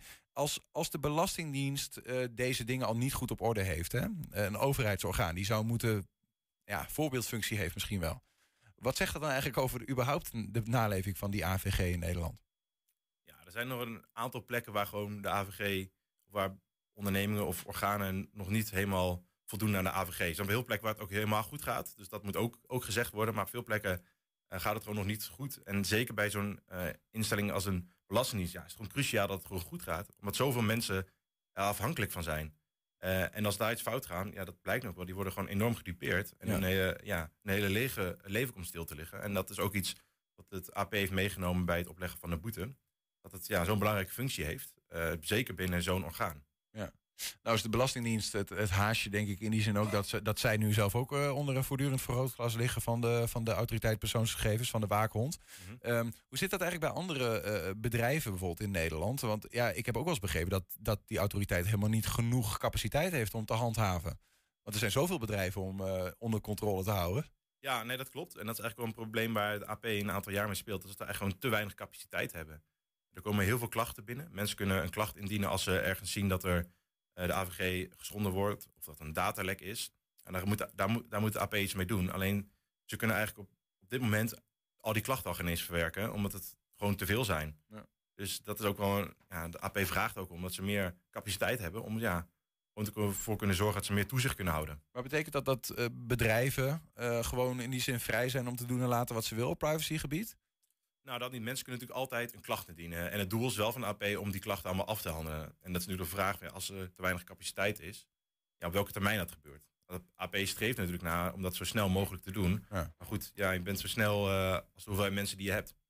Tot slot dan, Niek. eh, de Belastingdienst die kan nog bezwaar maken tegen deze recordboete van 3,7 miljoen euro. Hè, voor het overschrijden van de privacywet, voor het overtreden daarvan.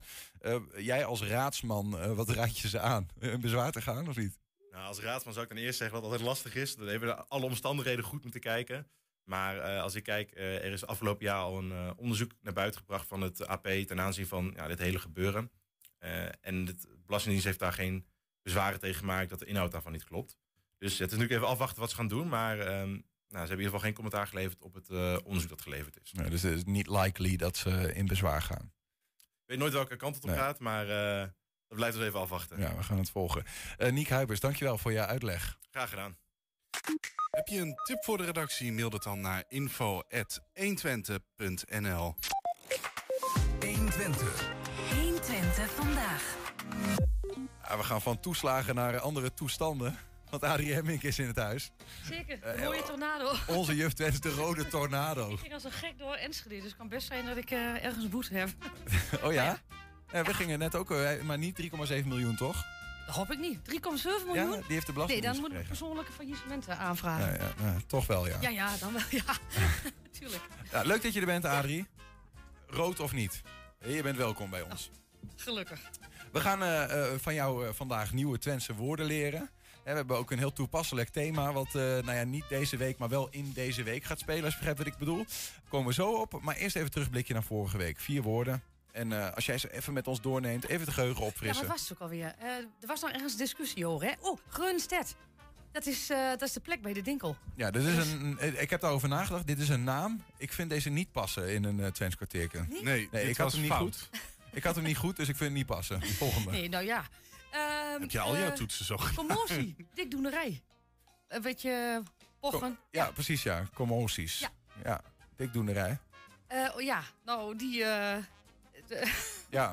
ja. Ja, ja, zeg het maar. Te, te, te volste komen, hè? Ja. Dat is dus hulp eh, bieden. Ja, Mhm. ik, de vorige keer kwam dat iets anders over dan ik bij bedacht had eigenlijk. Maar goed, we blijven eh, lachen. Ja. En de rabat, daar heb je gelijk in. Dat was eigenlijk, had ik dat in de context moeten plaatsen. Want rabat is natuurlijk korting. Maar dat, eh, dat was eigenlijk dus eh, kassen op de rabat. Dat had ik er neer moeten zetten. Dus Ja, je bent, heb je gelijk je bent gehad. op de rabat. Op de rabat. Op ja, de rabat. op de rabat. En dat betekent van Helemaal streek van zijn. slag. Helemaal Ja. van het padje. Nou, Dus eh, allebei een beetje gelijk. Ja. Toch nog geïnt. En goed, deze week dan eh, hebben we weer eh, nou ja, vier nieuwe woorden. Drie daarvan gaan over een thema. Eh, dat zometeen. En je gaat ze hangen aan een onderwerp. En dat is deze week Koningsdag. Koningsdag, ja. Want die komt er natuurlijk aan. Eh, en je hebt wat foto's meegenomen in het kader van het Oranje Verhaal. Ja, oh, inderdaad. Alles wat gelieerd is aan het Koningshuis. Dus Nou ja, waar, laten we eens maar eh, kijken. En dan ben ik benieuwd wat voor, wat voor foto's je allemaal eh, mee hebt genomen. Nou, dat heb ik natuurlijk uit de collectie van de Oudheidkamer Twente. Dat is de oudste oudheidkundige vereniging van Twente. Mhm. Ik, eh, het- met zwarte foto's. Nou, dit is dus eh, dit is Enschede, Enschede. In 1923, toen was Wilhelmina 25 jaar ehm, in dienst, zou ik haar zeggen. Maar zo kun je dat niet noemen, hè. Toen was zij eh, 25 jaar koningin? koningin. Ja. En, Maar- en waar- waar dit- kijk ik nou naar dan? Is, is, is dit die ingang eh, eh, eh, op, op de Oude Markt? Ja, volgens Waar- mij is waar- het links eh, zit daar een optiek en rechts zit daar een, eh, een, een restaurant. Dat is daar. Je, de, rechts, daar, dat is waar Moeke volgens mij... eh, Dat klopt, helemaal. Nou, Kijk eens hoe mooi dat versierd was toen. We kijken de Marktstraat in. Is Ja. dat de- deze plek? Ja, vind je die mooi? Ja, het is prachtig. Ziet er prachtig En uit. toen, had, toen had men nog niet zo vaak een feestje. Dus als er ook iets eh, aan de hand was, dan ging ze er ook echt helemaal voor, hè? toen reed er toch ook nog een tram door de binnenstad Ja. heen? Of Tram 1 en 2, richting Granenbrug. We hebben nog, een- we hebben nog een foto. ja, dat is ook, dat is de- volgens mij een deel van de Lange Straat. Als ik het goed heb. nee, stond, dat niet bij de Oudheidskamer? Nee. Marktstraat. Oké, Ook- ook de klopt. Marktstraat. Oh, ja. ja, is ook zo. Marktstraat. Ja, ja klopt inderdaad. Ja, zo prachtig toch. Zelfde, Ja, ja, we kijken de- tijd, 1923. Een Marktstraat en dan we kijken richting de Graaf. Ja. Ja, Boekhandel Broekhuis aan de rechterkant een beetje. Ja, klopt. Ja. Dat is het. Ja. Ehm, eh, heb jij een oranje hart eigenlijk tussendoor?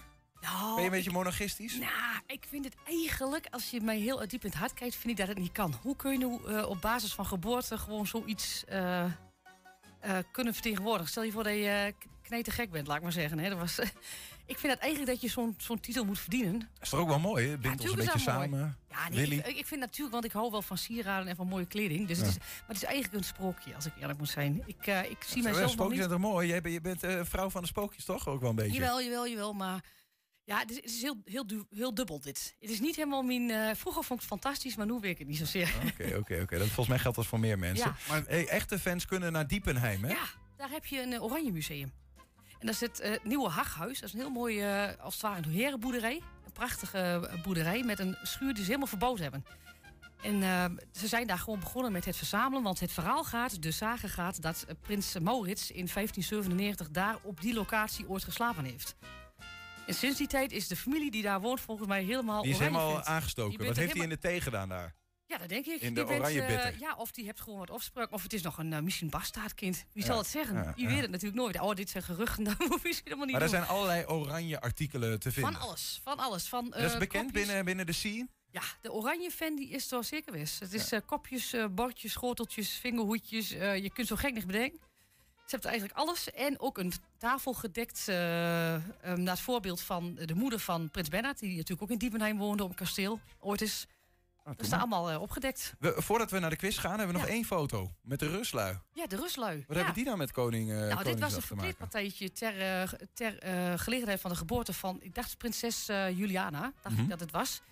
Eh, er waren natuurlijk de, de Ruslui, helpt als eerder over had. Dat waren de handelsmensen vanuit Frieseveen die eh, hun handelswaar in Sint-Petersburg verkochten. Dus dat was eh, linnen, maar ook damast. En die deden ze goed. zijn hartstikke rijk geworden daar. In die zin, dat was de gegoede middenstand upper ten. En nou ja, als er iets, ze waren wel koningsgezind. Want uiteindelijk, als je aan het hof mag leveren, dan... als je iets wil voorstellen vroeger, moest je de trend van het Koningshuis volgen. Dus dat deden zij natuurlijk ook. En zij hebben dit ter gelegenheid van de geboorte gedaan. Kijk eens, Ja. de Ruslui, maar dan verkleed. Ja. Ehm, geboorte van, wie was Ik dacht, alweer? ik dacht eigenlijk Juliana, maar dan moet ik even Ja, heel goed nou kijken ja. in de computer. Zal ik eens even kijken? Ik heb het gestuurd naar eh, de redactie, maar mijn hoofd is weer een beetje Ehm, vergieterig. We moeten ook naar de woorden toe, eh ja, natuurlijk, want anders het niet meer. Dus wat, wat gaan we doen? Gaan we het... eh, Gauw eerst de woorden doen, dan kom ik er straks ja, op terug. komen we zo even Ja. op terug, wat voor verjaardag dat was. We gaan eh, naar de quiz en die gaan we ophangen aan, eh, nou ja, aan, aan eh, Koningsdag, aan oranje gevoel, eh, monarchie, whatever. Wat het, jij hebt eh, drie woorden van, voor ons, drie Twentse woorden. En bij elk woord telkens een Nederlandse betekenis. Eén van die betekenissen is de goede. En wij moeten horen welke. Volgens mij moet je je microfoon nog aanzetten. Zou Nee, kunnen? Nee, ik hoorde hem. Is Ja. Schungeldag. Schungeldag. Ja. Ja, wat zal dat nou weer? Het heeft natuurlijk te maken met alle festiviteiten in de breedste zin van het woord. Zo moet je dat zien, met de oranje festiviteiten. Is dat A, is dat een vrije dag, als je een schungeldag hebt? Heb je dan een sportdag? Hè? Op dat soort eh, dagen wordt er ook van alles door natuurlijk. Hè? Of is het C, een feestdag? Is een beetje moeilijk, maar Een schungeldag. Vrije dag, schungeldag. sportdag, feestdag. Ik, ik, ik, ik zit met dat woord schungel. En er- ergens zegt mij dat een beetje slungelen. Eh, dus, dus een beetje lui, een beetje lui lekker. Ik denk dat het vrijdag betekent. Jij denkt een vrije dag? Gewoon een slungelen, een beetje niks doen uiteindelijk. Ja, ik vind het niet bij, ik vind, ik vind het niet bij, bij sport eh, horen. Schungel. schungel. Schungel. Ja, Maar ja, ik ga, schungel eh, gaat hard. Ja, Oeh, gut. We- Ja. Dan nou wordt het erg nou, want nu moeten we dit weten dus. Maar Nou, goed, eh, niet, Julian, jij gaat voor vrijdag. Ik ga, ik ga voor feestdag, omdat we het over Koningsdag hebben. En we gaan het, eh, we gaan het wel zien. Vullen wij in antwoord nummer C. A3, vertel het ons, is dat goed of is dat fout? Nee, helaas. Het is, het is een vrije dag. Julian heeft er gewoon een neusje voor, voor vrije dagen. Ja, maar ik moet ook voor de vorm soms een beetje eh, niet meegaan, hè? Ja, nee, dat begrijp ik. Dat begrijp ik. Oh. We gaan naar woord 2, Bikon. Bikon, zegt jullie dat wat? Ja, dat zeggen we wel ja, wat. Bikon, ja, ik snap Maar geef het. me drie opties. Ja. Want het, soms zit hij er niet bij, wat ik nee, dan denk nee, dat nee, het nee, is. nee. Is het A, is het eh schransen, dus heel veel eten. Hè, dat je op zo'n feestdag, dan doe je natuurlijk van alles. Hè? Ja, ja. Een spel met botjes. Met, met dierenbotjes. Of is het stelen? Gewoon Bikon. bikon. Bikon. Ik, ik, ik zou oprecht eh, eh, op het land werken, had ik in mijn hoofd. Bij het woord. Oh, gewoon bikkelen. Ja, Gewoon bikkelen even, van- eh, ja, ja, dat- dat- dat, je, dat- dat je de hele dag aan het schoffelen bent of zo. Ja. Hmm. Maar het heeft natuurlijk met... Ja, heeft- daarom. En dan zou ik zeggen, Bikon, hè, we, we kunnen kiezen uit Fransen, spel met botjes of stelen. Dan zou ik voor spel met botjes gaan. Omdat je op Koningsdag natuurlijk allemaal van die lullige spelletjes hebt. Spijkerpoepen en een spel met botjes. Ik weet niet welk spel. Maar, maar een botjes spel zijn met dierenbotjes in dit geval. En niet borden om van te eten. Ja, geen geen bot. keramiek, bot. Botjes, ja, botjes. B-O-T. Ja. ja, anders had er wel wat anders gestaan. Nee. Maar dat snap ik. Maar misschien voor, de, ja. voor de luisteraars. Ja, als, als, als we in het thema gaan blijven, dan, dan ga ik inderdaad ook voor B. Want wat heeft Fransen nou met Koningsdag te maken? Oh, heel veel. Het- en kijk, hij- stedelijk kun je nog best wel doen op de Ik wil gewoon weten wat dat spel met botjes inhoudt. Dus we gaan gewoon voor B. Vullen En wij mag Adrie zo nummer meteen B. vertellen. Adrie, vertel het ons. Is dat goed? Ja. Of is dat fout? Nee, jullie hebben het helemaal goed. Helemaal goed. Eh, Het is een spel met botjes. Vroeger deden ze dat nog het, eh door de slagvisite. Als ze dus ehm, het dier geslacht hadden, laat ik maar zeggen. Dan bleef allerlei... eh, eh, ja, van alles bleef over. Hè? Van peersen tot, eh, tot botjes. Bo- En daar gingen ze spelletjes mee doen. Dan moest je in bepaalde volgorde eh, botjes gooien. Ja, vroeger had je natuurlijk geen Nee, nee, dat- dat- Ravensburger. Hè? Of, eh, armoede troef eh, als ja. je met botten gaat gooien. ja, maar, dat, is- was een, dat is een echt oud-Hollands spelletje. Oké, oké. Door heel Nederland trouwens. Hoor. Bikkel is een, eigenlijk een term die, eh, die ook wel in Nederland gebruikt wordt. Maar er staat een eer tussen. Woord 3. ja. Woord 3. Dat eh, is, oh ja, goldhenken. Ja, een goudhaantje. Goudhaantje. Zo, zo klinkt het. Dat zou kunnen. Maar is het A, het Twentse woord voor de kroonprins? Hm, Daar heet goldhenken wel op. Ja. Van, hè, die heeft, eh, Is het toch B, het goudhaantje waar jij het over had? Of is het C, de gelukzoeker? Dat kan natuurlijk ook. Je, je zei het wel heel resoluut, eh, Niels. Zo klinkt het, hè? Gold, goldhenken. Goldhenken. Eh, klinkt als goudhaantje, maar dat zal het dan dus wel weer niet zijn. Ja, want dan ga je, dan ga je weer de boot in. Maar heeft Adrie weer wel bekokstoofd. Ik zit me er ook ineens te bedenken, wat is een goudhaantje eigenlijk? Dit is een soort, eh ehm nou, fazant niet helemaal, maar het lijkt er wel een beetje op. Het is een dier. dier. Met, een, Ah, met, ja. een, met een mooie... Maar Het is niet, heeft niet een soort van betekenis van, nee, dat is een goudhaantje. Ah, Nee, nee, voor zover ik weet is het ook echt een diersoort, laat ik maar nee, zeggen. ja, ik snap het, ik snap het. Ja, ja, ja. Mm, Maar het is een instinkertje natuurlijk, dit. Ja, dat moet je dus niet zeggen, want dan ga ik dus, eh, dan ga ik dus niet meer... Vullen wij eh, ja, in- hoewel. Ja, d- hè, d- dan zal het wel weer gelukzoeker zijn. Want als jij zegt een instinker, dan ga je niet voor goudhaantje en niet voor kroonprins. Ja, dat weet je niet. Ik ga voor gelukzoeker. Dan ga ik voor kroonprins. Ja, moet toch een beetje in het thema blijven. Vullen wij in antwoord nummer C, Adrie? Nou, dan ga, dan het ga ik gewoon voor het instinkertje voor wat, wat jij dacht, Niels. Het is gewoon echt een goudhaantje. Hij is heel simpel. Het is, ja, je moet ook niet soms te, te moeilijk denken, hè. We gaan de straat op met Jessie voor het woord van de week. Nieuw Twenswoord van de week, bleuzel. Weer drie mogelijkheden. A, bloesem, B, bloemzaad of C, verlegenheid. Ik ben heel erg benieuwd. We gaan het vragen. Bleuzel? Ja? Zal niet weten. Plus, Hiel. Plus. Hoe spreek je het eigenlijk uit? Bleuzel. Bleuzel. Bleuzel? Nou, bij bleuzel, heel goed. Bleuzel? Maar wat betekent het dan? Bloesem, bloemzaad of verlegenheid? Verlegenheid. Bloesem, denk ik. Ja? Ja. Bleusel? Ja? Nee. Ja? En dan? Oh, dan moeten wij raden wat het betekent. Ja. Ik zeg bloesem. Bloesel, maken we ervan. Bloesem, oké. Ik denk bloemzaad. Twentse woord van de week, wat denkt u dat dat betekent?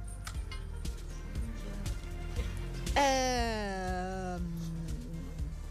bloesem. Bloesem. En waarom denkt u dat?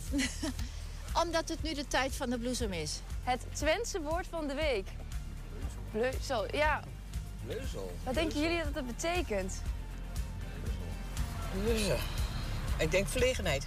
Waarom denkt u dat? Nou, dat kan ik zo zien. Verlegenheid. Ja? Ja, bleu. Dat is een beetje verlegen. Tenminste, verlegenheid. Ehm, wat denk jij? Ik denk eh verlegenheid. Jij denkt verlegenheid? Ja? En jij? Gokje? Oh, jij? Eh, ook verlegenheid. eh. Ook verlegenheid? Eh, bloesem? Waarom denk je dat? Je was heel snel. Ik heb echt geen idee, maar dat... Het is een gok. Ja. Verlegenheid. Verle- Waarom denkt u dat? Bleu. Bleu. Ja. Nou, dat snap ik wel. Bleu is eh, verlegen. Dus? Verlegenheid. Oké, dat gok jij. Ja, ik denk dat Anne zeker van zijn zaak is. Dat, ga, dat denk ik hetzelfde. Maar Jij gaat mee Ik daarmee? had het anders niet geweten. Oké, ook C dus? Ja, dan doe ik wat anders. Bloems, Bloemzaad. Bleuzel, bleu. Ja, het, ging, het neigde echt naar C, verlegenheid. Dat kozen de meeste mensen. Ja, ik kan ze ook wel gelijk geven, ja, of niet. Ik ben heel benieuwd wat jullie denken, jongens. Wat denken jullie? Wat denken wij? Ik denk wel iets. Ja, Bleu, dat is- Bleusel is het woord, hè? B-L-E-U-I-S-E-L. Bleusel. Ja. Dus en, en dat klinkt voor mij als eh, bloeisel. Eh, en, en als een eh, boom in bloei staat, dan gaat er bloesem aan zitten. Dus ik ga voor bloesem. Ik ga met jou mee. Ik ben het er Flauw. helemaal mee eens. Flauw. Nee, ik ben het ben er ik helemaal mee mee Ik wil niet dat je met me meegaat. Ik ga mooi met jou mee. Blijf van me weg. Ik zit er nog tussen, hè? Het geeft- het- het- ik zal Oké, het wel, ik zus ja. het wel. Oké, nou dan komt het goed. Vullen wij in antwoord nummer A, A3... Oh nee, Nee, Jessie, Jessie. vertel het ons. Maar er is maar één antwoord goed en dat is niet C. Dat is A, bloesem. Tot volgende week. Applaus. Ik ben heel goed bezig vandaag, eh, jongens. Ah, lekker Julian. Alsjeblieft, Hoppatee, jongen. Dan hebben we toch weer een beetje... Vorige week hadden we volgens mij een hele slechte. Vorige week hadden, hebben wij een hele slechte beurt gemaakt. Dus eh, Hadden we ik alles vind het wel weer een beetje goed gemaakt. Ah, dat, Ja, was wel, daarom. dat was toch ook wel een beetje mijn foto, hoor. Ja, dat vind ik ook. Ja. eigenlijk. Ja. is ook zo. Wat ga je doen met Koningsdag? Dan zit ik als het goed is op eh, Kos. In Griekenland? Ja, ik ga naar Griekenland. Dat is, daar ben je inderdaad geen monarchist. Nee. Dat is wel duidelijk nu. Dat is jongen, Oh, jawel, jongen, hoor, want jongen. hij heeft daar ook een villa. Ik, heb, ik mag toevallig, eh, ik, ja. mag toevallig eh, ik, ik slaap in de villa van Willem, Willem Ja, ja, ja. Natuurlijk. Ja, ja, ja, ja. Je eet met een eh, oranje gouden lepel. Ja. veel plezier op Kos volgende week dan. En nou ziet wie elkaar over twee weken. Nou, weer. wat is het dan? Is Nee, vakantie. dan- dan- Nee, is nee, vakantie, is doen we die week drie weken zitten we weer. Volgende week spreken we elkaar in Kos. Ja, zeker. Op afstand. Ja, nou, het wordt wat. Zo. Leuk. Tot dan. En daarmee sluiten we ook 120 vandaag af. Terugkijken, dat kan direct via 120.nl. En vanavond om 8 en 10 ook op televisie te zien. Zometeen kun je op de radio gaan genieten van Henk Ketting met zijn kettingreactie. In ieder geval, veel plezier en tot morgen. 120 Weet wat er speelt in Twente. Met nu het nieuws van 5 uur. Goedemiddag, ik ben Bas van Halderen. Feyenoord ziet voorlopig af van de bouw van een nieuw stadion. Dat heeft de club bekendgemaakt op een persconferentie. Nieuwbouw zou de Rotterdammers in moeilijk vaarwater brengen... terwijl de focus moet liggen op voetbal. Feyenoord zet om die reden ook een streep door alternatieve voorstellen... om de Kuip te verbouwen. Bij de gasexplosies in een flatgebouw